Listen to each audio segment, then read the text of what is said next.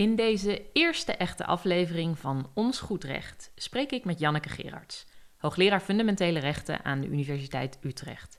Volgens mij is het zo goed als onmogelijk om in Nederland iemand te vinden die net zoveel weet over nationale en Europese grondrechten en de rechtspraak daarover als Janneke.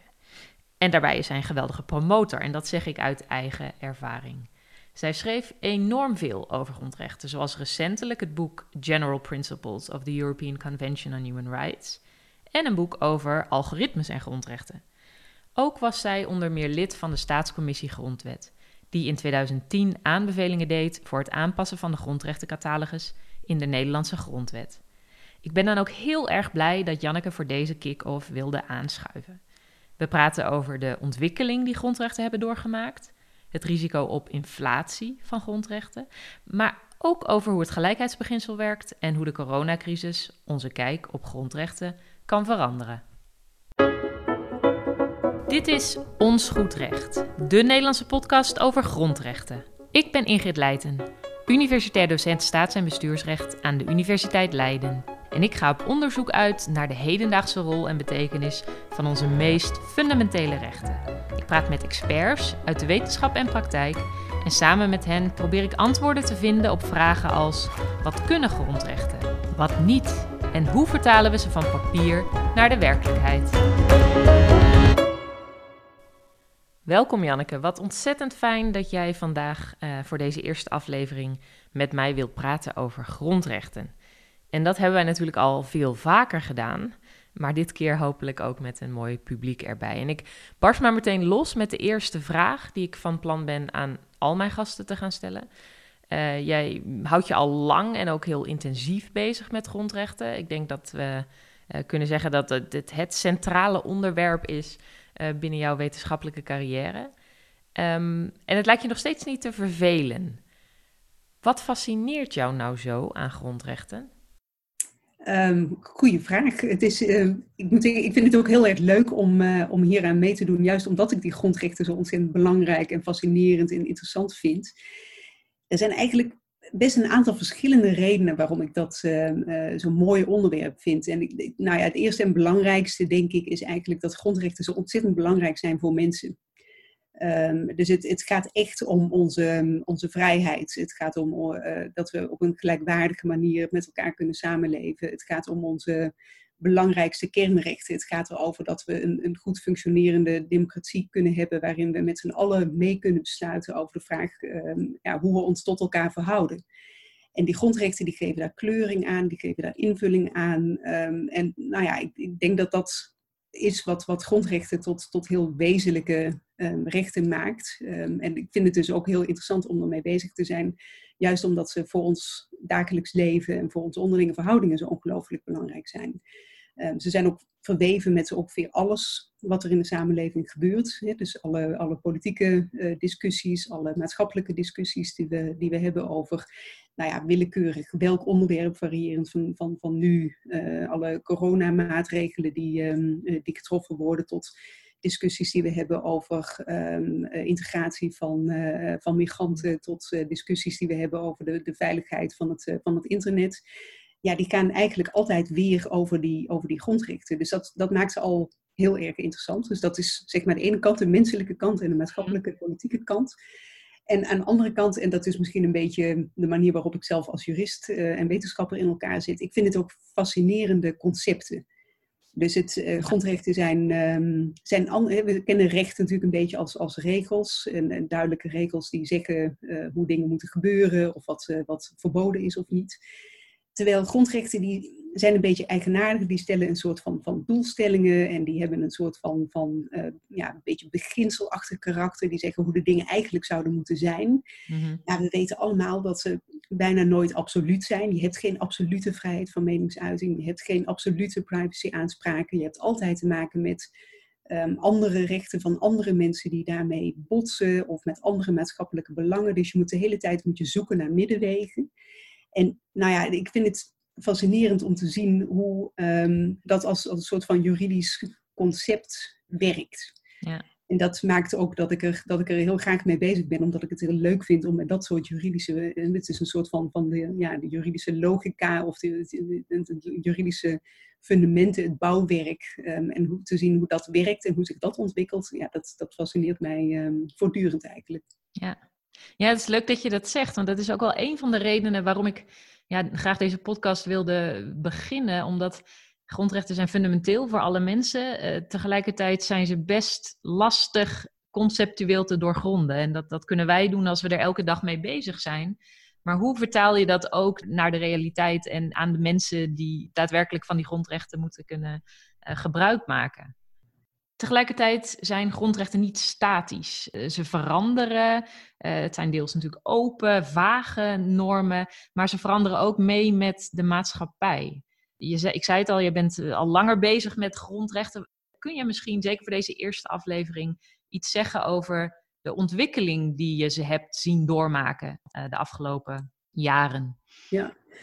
Ja, dat is, dat is ook weer heel, heel interessant. Dat is een van die dingen, inderdaad, hè, wat je zelf ook zegt, die, um, die grondrechten fascinerend maakt. Het feit dat ze, dat ze niet statisch zijn, het feit dat ze meebewegen met onze samenleving. En je ziet dat, denk ik, op allerlei punten zie je dat gebeuren.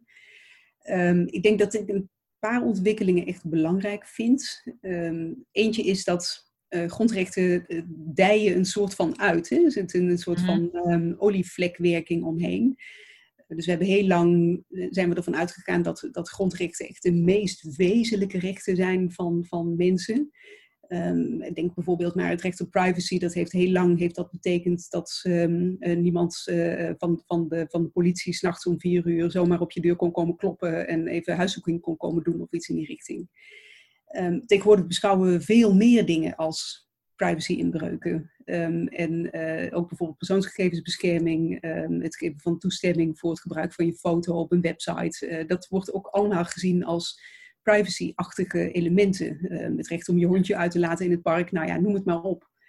En dat, dat zie je eigenlijk voor, um, uh, voor heel veel grondrechten zie je dat gebeuren. Dus van de, van de echte kern die heel dicht tegen die, die beginselen die ik net noemde, hè, tegen die, die autonomie en die menselijke waardigheid en die ja. democratie, pluralisme aanliggen, um, zijn er eigenlijk steeds meer individuele belangen zijn erbij gekomen. Die zijn we ook allemaal onder dat, die grote paraplu eigenlijk van die grondrechten gaan vatten. Dus dat is denk ik één ontwikkeling die, uh, die je heel erg ziet.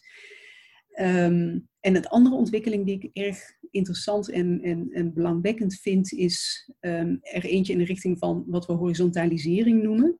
Mm -hmm. dus, um, aanvankelijk hebben we die grondrechten min of meer op papier gezet om ons te beschermen tegen de staat. Dus eh, vlak na de, na de Tweede Wereldoorlog, maar ook al daarvoor in de, in de oude grondwetten van de, van, van de Verenigde Staten en van Frankrijk, zie je dat grondrechten eigenlijk vooral bedoeld zijn om nietige kleine mensjes te beschermen tegen die oppermachtige staat die wetgeving kan maken en die kan handhaven en die eh, rechterlijke uitspraken kan doen.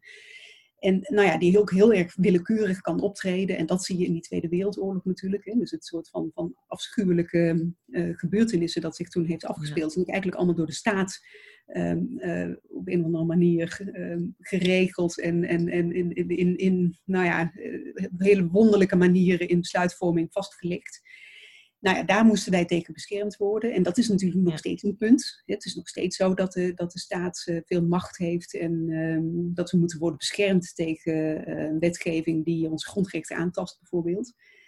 Maar wat we ook hebben gezien gebeuren, en dat zie je in de afgelopen 15 jaar, denk ik, zeker ook met de digitale uh, toch revolutie, denk ik, die we, die we doorgemaakt hebben, zie je dat, dat allerlei niet-statelijke spelers variërend van internetplatformen tot je werkgever, uh, tot een dienstverlener, tot de producent van goederen, dat die ook allemaal um, nou ja, best wel zwaarwegende besluiten kunnen nemen en best wel vergaande dingen kunnen doen die ook die grondrechten kunnen raken. Zeker op het moment dat je dan dat aan die eerste ontwikkeling koppelt, waarbij je dan ziet dat die grondrechten steeds mm-hmm. meer zijn gaan omvatten, zeg maar. Dus je hebt meer actoren die inbreuk kunnen maken op grondrechten en je hebt meer grondrechten. Dus eigenlijk zijn grondrechten ja, op een of andere manier die zijn nog, nog, nog veel meer aanwezig geworden in onze samenleving dan, dan al het geval was.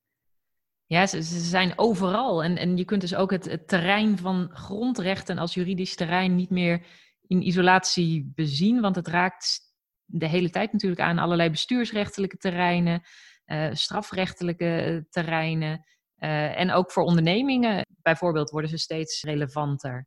Ja. Het is ook een beetje, een beetje paradoxaal haast hoor. Want ze zijn overal en veel mensen hebben er indirect mee te maken of, of moeten er iets mee. Maar tegelijkertijd wordt daarmee natuurlijk de betekenis en inhoud van die grondrechten niet altijd duidelijker.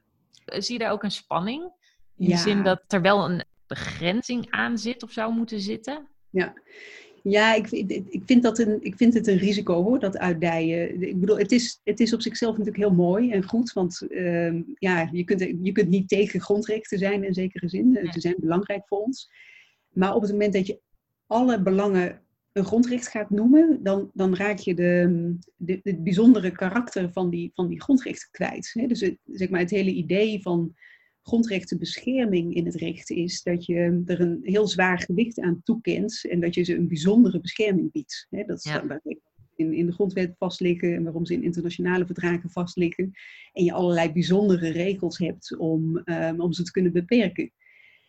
Maar op het moment dat je nou alles een grondrecht gaat noemen, ja, dan raakt dat, die, die, die onderscheidende waarde, die raakt dan uh, langzaamaan een beetje uit beeld. En dan wordt het ook steeds moeilijker om uit te leggen waarom je dan hele hoge eisen stelt aan het beperken van die, uh, van die grondrechten. Dus op het moment dat je bijvoorbeeld ook uh, allerlei consumentenbelangen als grondrechtenbelangen gaat, gaat omschrijven en je gaat dan zeggen van ja, maar je, daar mag je alleen maar inbreuk in, op maken op het moment dat je aan hele vergaande eisen voldoet. Mhm.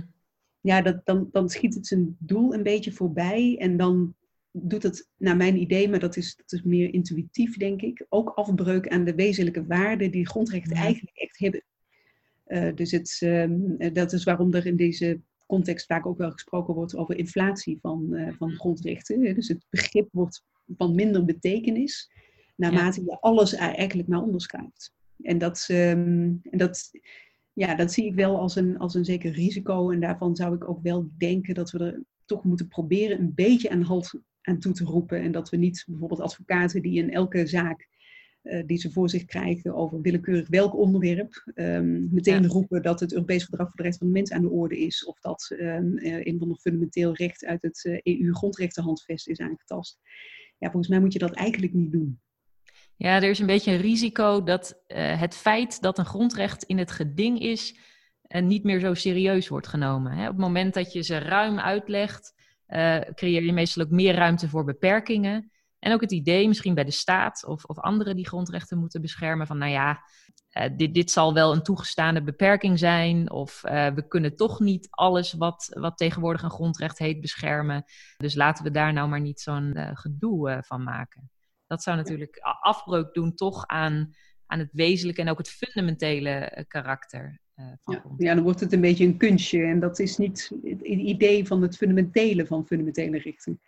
Ja, ik heb het in de trailer bij deze podcast al kort gezegd dat de Nederlandse bescherming van grondrechten nog wel een beetje bijzonder is. En dat komt door het toetsingsverbod en het feit dat de Nederlandse rechter formele wetgever niet aan de grondwet, maar wel aan internationale een ieder verbindende bepalingen mag toetsen, zoals die uit het Europees Verdrag voor de Rechten van de Mens misschien in relatie daartoe of in relatie tot andere eh, specifieke kenmerken. Wat zijn de uitdagingen voor Nederland als het gaat om grondrechten? Ja, dat is een interessante vraag in die zin dat voor die ligt die in het verlengde van wat ik net al zei. Dus ik denk dat we ook in Nederland ons erg bewust moeten zijn van dat risico van grondrechteninflatie en dat het een soort van, van ja, misschien een beetje zelfbeperking soms vraagt bij um, uh, juristen en, en beleidsmakers. Dat we, dat we niet alle discussies in, in grondrechtentermen proberen te framen. Mm. Dus dat is denk ik één uh, uitdaging die sa daarmee samenhangt. Ik denk dat we in Nederland ook juist in die horizontale werking heel erg moeten investeren. Daar zit, daar zit een soort gek fenomeen eigenlijk in. Hè? Want wij, uh, juist in Nederland, zijn we dus heel erg afhankelijk van dat Europees Verdrag voor de Rechten van de Mens om invulling te geven aan ons grondrechtendebat. Maar het geval wil dat zaken in, bij het Straatsburgse Hof alleen maar voor de rechter kunnen komen op het moment dat ze tegen de staat zijn gericht. Ja. Dus Um, uh, zeg maar alle zaken die in, in Straatsburg beslist worden, dat, dat kan misschien gaan over wat vroeger ooit een geschil was tussen een, een, een, werknemer en een werkgever, maar dat wordt dan uiteindelijk wordt dat een conflict tussen een individu en de staat. En dat betekent dus dat de, dat de rechtspraak van het Straatsburgse Hof niet altijd helemaal goed is toegesneden op die horizontale rechtsverhoudingen. Terwijl veel van onze discussies in Nederland juist wel daarover gaan. En dat die gaan over de vraag van ja, maar hoe krijgen we het nou voor elkaar dat uh, die ene grote onderneming ervoor zorgt dat um, zijn werknemers niet worden um, uitgebuit. Um, en, en hoe krijgen we het nu voor elkaar om ervoor te zorgen dat uh, een internetplatform niet discrimineert op basis van uh, sociaal-economische status of iets in die richting. En daar zit denk ik daar zit in de soort van, van de beleidsmatige uh, kant zit daar een uitdaging. Want dat, dat, ik denk dat je daar eigenlijk in veel gevallen of beleid of misschien zelfs wetgeving nodig hebt om dat, uh, om dat voor elkaar te krijgen.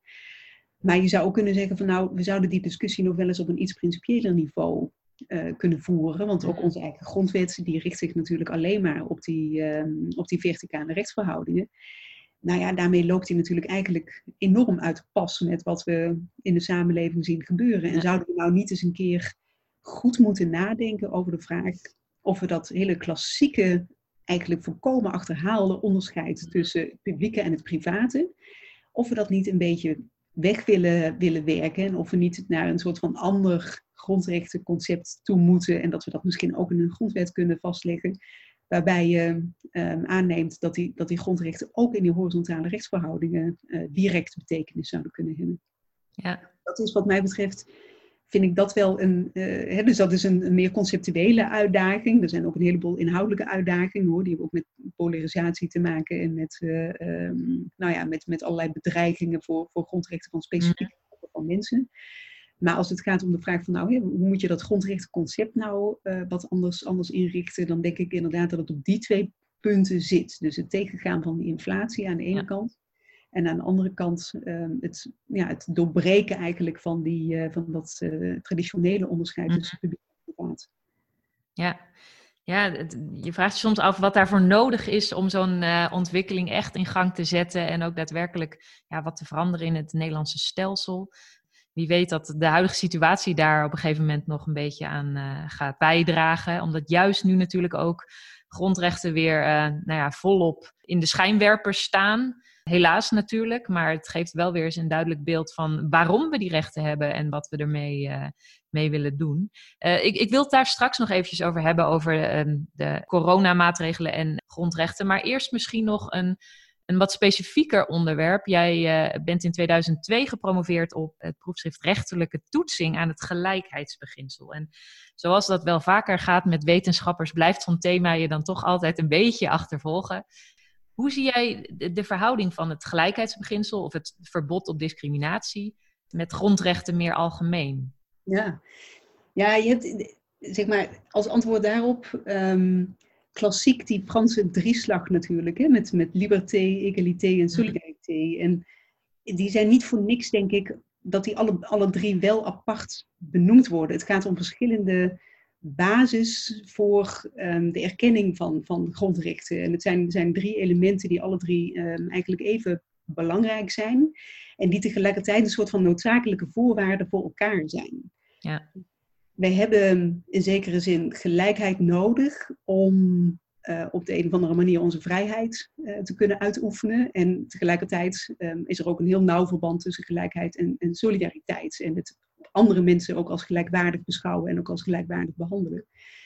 En dat vind ik altijd fascinerend aan dat uh, gelijkheidsbeginsel. Dus het is, het is en in zekere zin is het de basis voor de uitoefening van heel veel andere grondrechten omdat het samenhangt met onze erkenning van gelijkwaardigheid. Uh, we mogen er allemaal zijn. Uh, als mensen hebben we allemaal evenveel aanspraak op uh, een plekje in onze, onze samenleving en op kunnen zijn wie we, wie we willen zijn. Dus het is als, op die manier dus echt die basis voor die, voor die vrijheidsrecht ook. Dus dat is de ene kant van het verhaal. En tegelijkertijd, en dat maakt die gelijkheid zo lastig, zijn we allemaal anders. Ja, dus we zijn gelijkwaardig, maar we zijn allemaal verschillend. En we willen ook eigenlijk bij voorkeur allemaal verschillend behandeld worden. Uh, want zeg maar, mijn behoeftes en wensen en dromen en ambities die zijn anders dan de jouwe. En die zijn weer anders dan die van de buren. En uh, nou ja, zo heeft iedereen heeft zo zijn eigen dingen. En om echt zeg maar, recht te kunnen doen aan die, aan die hele basale gelijkwaardigheid, moet je dus eigenlijk iedereen een andere behandeling geven die past bij die persoonskenmerken.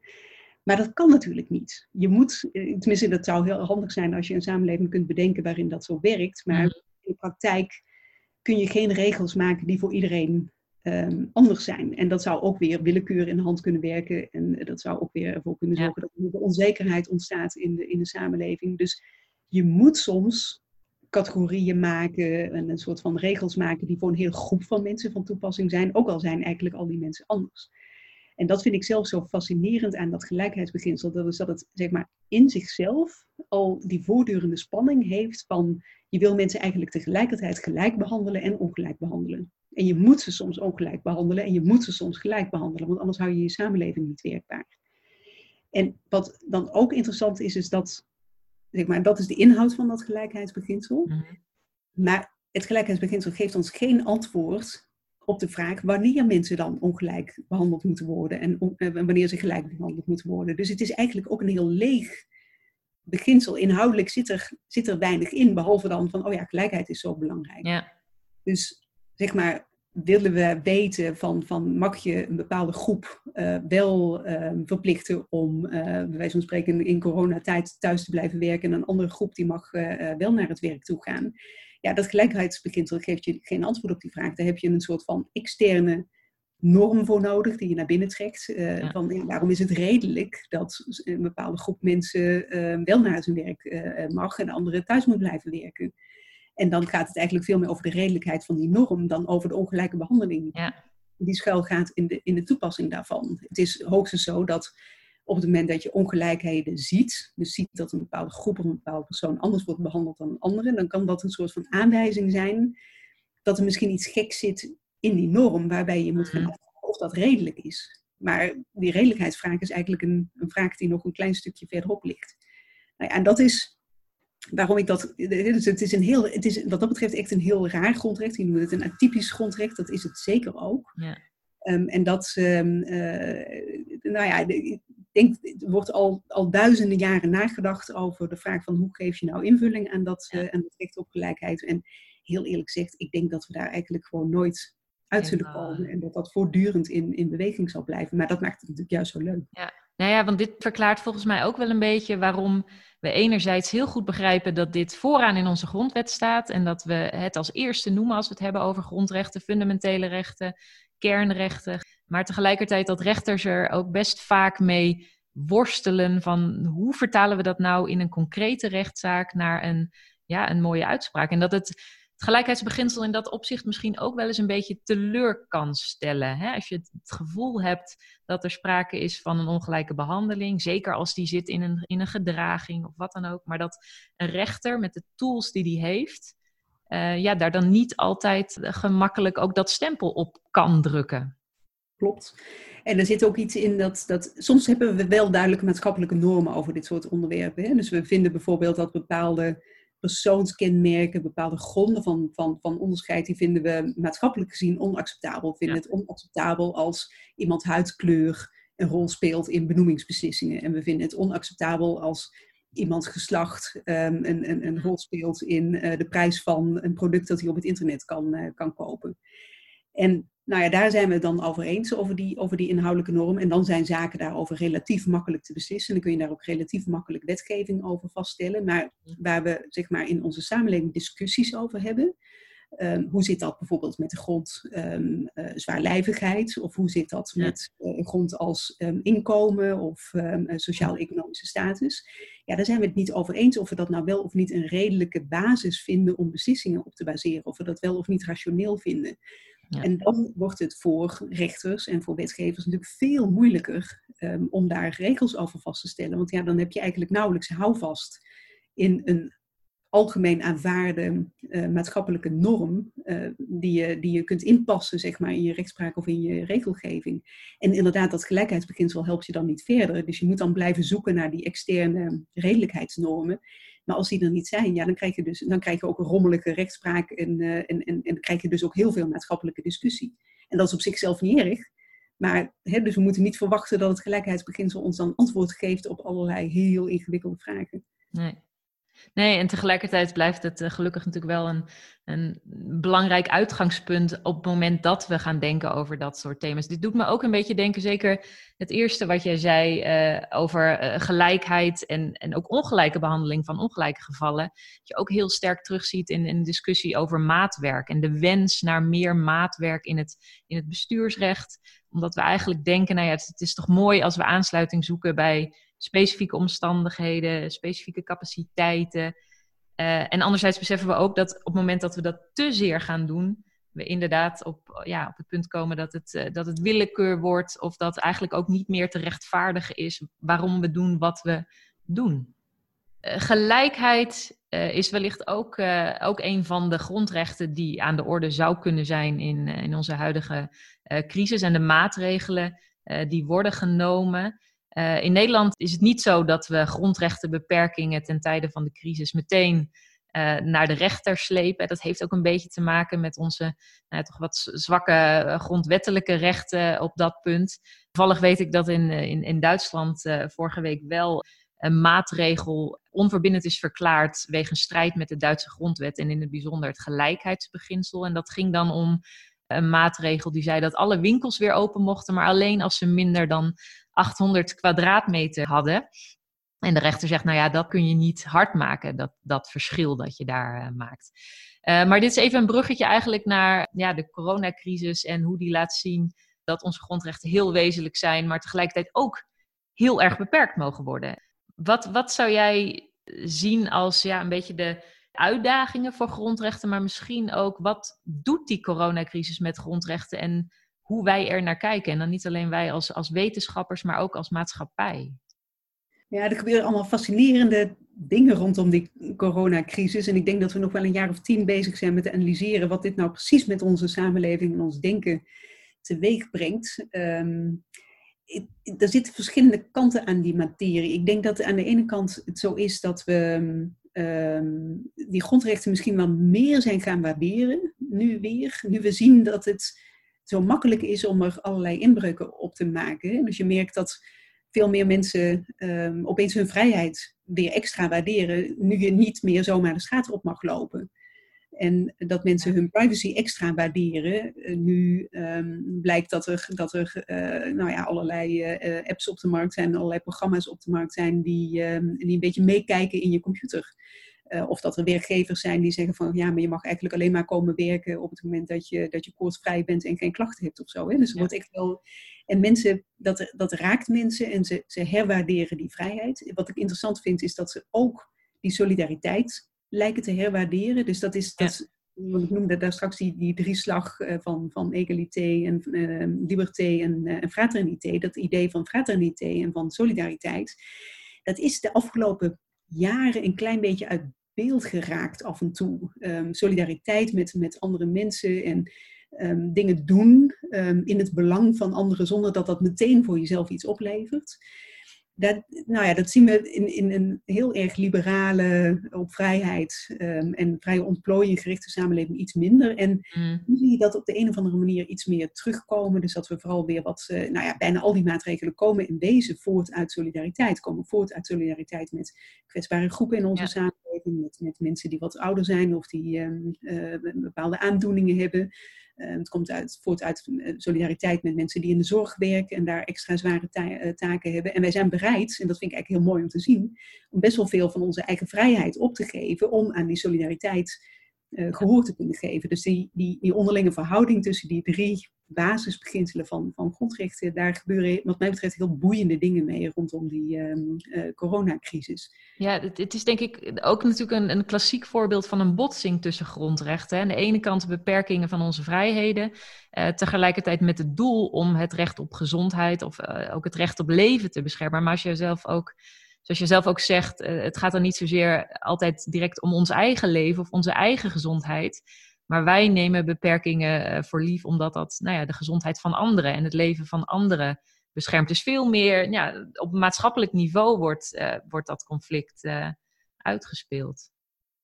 Ja, en dat, dat, dat is absoluut waar. En die botsing van grondrechten, dat zie je ook als het dan gaat om de meer concrete maatregelen eigenlijk. Hè? Dus dat, het is heel duidelijk dat de, dat de maatregelen die nu van kracht zijn, soms richtlijnen, soms juridisch afdwingbare maatregelen, dat die onze grondrechten beperken, onze bewegingsvrijheid beperken, ons recht op onderwijs beperken, onze verenigingsvrijheid, onze godsdienstvrijheid. Nou, noem het allemaal maar op. Het wordt in ieder geval moeilijker gemaakt. En tegelijkertijd, zodra je een van die maatregelen gaat opheffen of er een andere maatregel voor in de plaats gaat stellen, realiseren we ons nu ook dat die waarschijnlijk weer inbreuk gaat maken op andere grondrechten of op een andere manier op dezelfde grondrechten inbreuk maakt.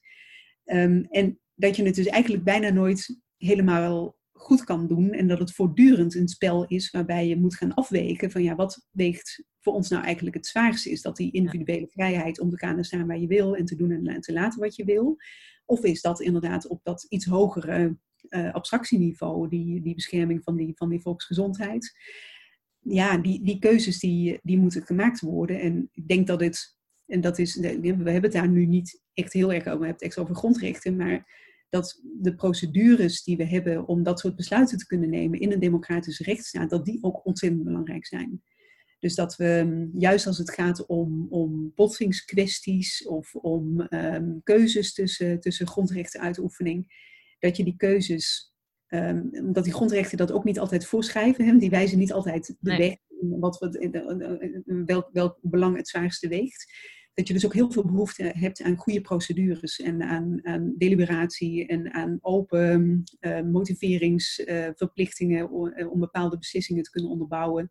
En dat is ook iets dat je denk ik heel erg ziet in deze crisis, dat zodra maatregelen, uh, als mensen het, het, gevoel hebben van, oh, die zijn goed onderbouwd, we begrijpen waarom die maatregelen ja. genomen worden, ze zijn zorgvuldig genomen, er is geluisterd naar allerlei belanghebbenden in de samenleving, er is geluisterd naar experts, zijn ze best bereid om vergaande beperkingen van hun eh, bewegingsvrijheid ook nog te accepteren. Maar op het moment dat wij het gevoel hebben dat er eigenlijk niet zo heel erg goed over is nagedacht, of mm maatregelen een beetje willekeurig lijken, dan gaan mensen ook al snel denken van ja, maar dan tasten ze wel onze grondrechten aan en dan accepteren we ze eigenlijk ook niet meer. Dus het is, ja. dat is een ander fascinerend verschijnsel, denk ik, dat je, dat je ziet rondom corona, dat niet alleen maar die grondrechten zelf belangrijk zijn, maar vooral ook de manier waarop we besluiten over grondrechten inrichten. Ja, nou, volgens mij hangt dat ook wel samen met een, een veel bredere ontwikkeling. Hè? Dat je grondrechten, uh, je hebt het over afwegen.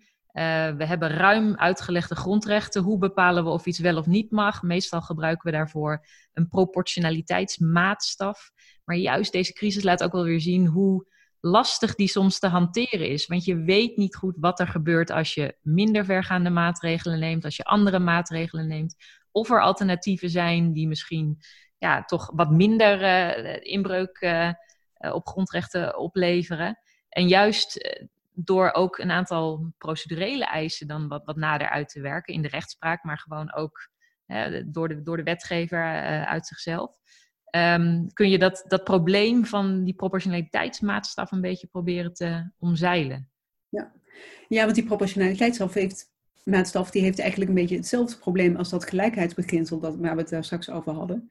Omdat ook proportionaliteit eigenlijk leeg is. Hè? Dus we, we kunnen niet zeggen wat proportionaliteit precies inhoudt. Daarvoor heb je een redelijkheidsmaatstaf nodig. En dat is een inhoudelijke maatstaf, die moet je ergens uit een maatschappelijke consensus zien te plukken. En dat kan dus inderdaad eigenlijk alleen maar op het moment dat je dat procedureel goed inricht en kunt op een of andere manier kunt achterhalen of kunt meten of kunt voelen mm maar, waar, die, um, waar die maatschappelijke overeenstemming uh, ligt. Ja. En natuurlijk kun je daar invulling aan geven door de meer inhoudelijke grondrechten die we hebben daarin te schuiven. Dus we hebben ehm, bepaalde opvattingen over het gewicht van de vrijheid van meningsuiting. Um, en we weten dat bijvoorbeeld persuitingen dan weer uh, zwaarwegender zijn dan een, een reclamebericht uh, vlak voor het nieuws.